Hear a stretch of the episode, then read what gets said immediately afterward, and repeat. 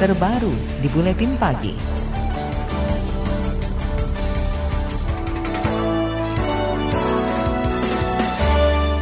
Pusat Pelaporan dan Analisis Transaksi Keuangan atau PPATK menemukan penempatan dana dari pejabat publik, yaitu kepala daerah, di rekening kasino atau rumah judi di luar negeri. Meski enggan merinci siapa kepala daerah dan di kasino mana penempatan uang tersebut, Kepala PPATK Ki Agus Badarudin menyebut, dengan temuan itu, PPATK ingin ada pencegahan dan pengawasan terhadap tindak pidana pencucian uang dari aparat penegak hukum.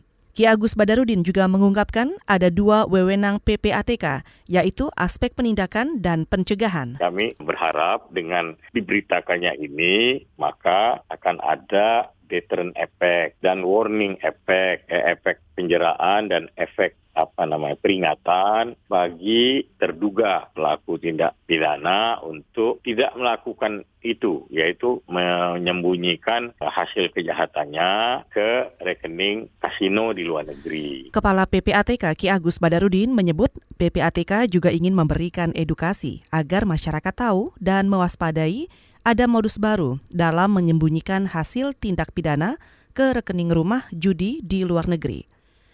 Dalam refleksi akhir tahunnya, PPATK mengungkapkan temuan sejumlah transaksi keuangan puluhan miliar rupiah milik beberapa kepala daerah di rekening kasino di luar negeri. PPATK juga akan memberikan data itu kepada penegak hukum untuk segera ditindaklanjuti. Komisi Pemberantasan Korupsi KPK mengakui selalu berkoordinasi dengan PPATK terkait data aliran dana yang berhubungan dengan kasus korupsi. Juru bicara KPK Febri Diansah mengatakan belum bisa mengonfirmasi terkait dana dari kepala daerah yang ditempatkan di rekening rumah judi. Febri menjelaskan KPK dan PPATK intens melakukan kerjasama mengenai aliran dana mencurigakan dari pejabat publik.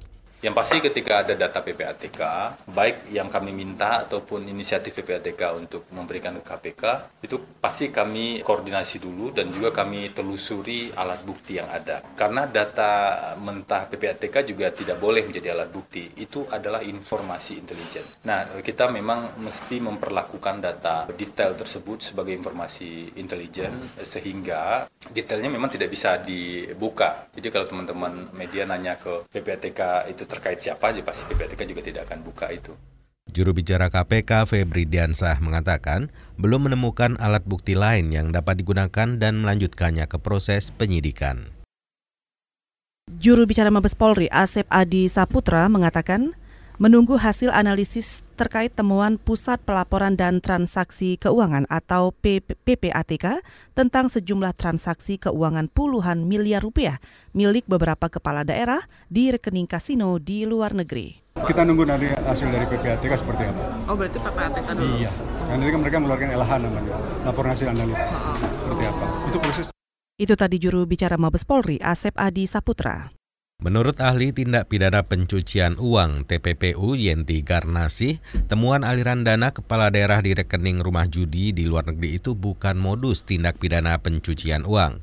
Yenti beralasan modus TPPU haruslah uang hasil kejahatan dialirkan ke lembaga resmi agar uang itu seolah-olah sah sendiri belum pernah dengar gitu. Yang kita ketahui selama ini adalah sebaliknya uang hasil kasino masuk ke masuk ke Indonesia atau masuk ke dinamika perekonomian halal gitu. Itu TPPU. Ketika ketika kasinonya itu dilarang, perjudiannya dilarang, misalnya ke penggerbakan perjudian di Jakarta, ya kan? Hasil dari sana, misalnya masuk ke apa di ditransferkan untuk membeli sesuatu. Nah itu pencucian uang itu. Kalau yang disampaikan ini adalah bukan modus TPPU menurut saya.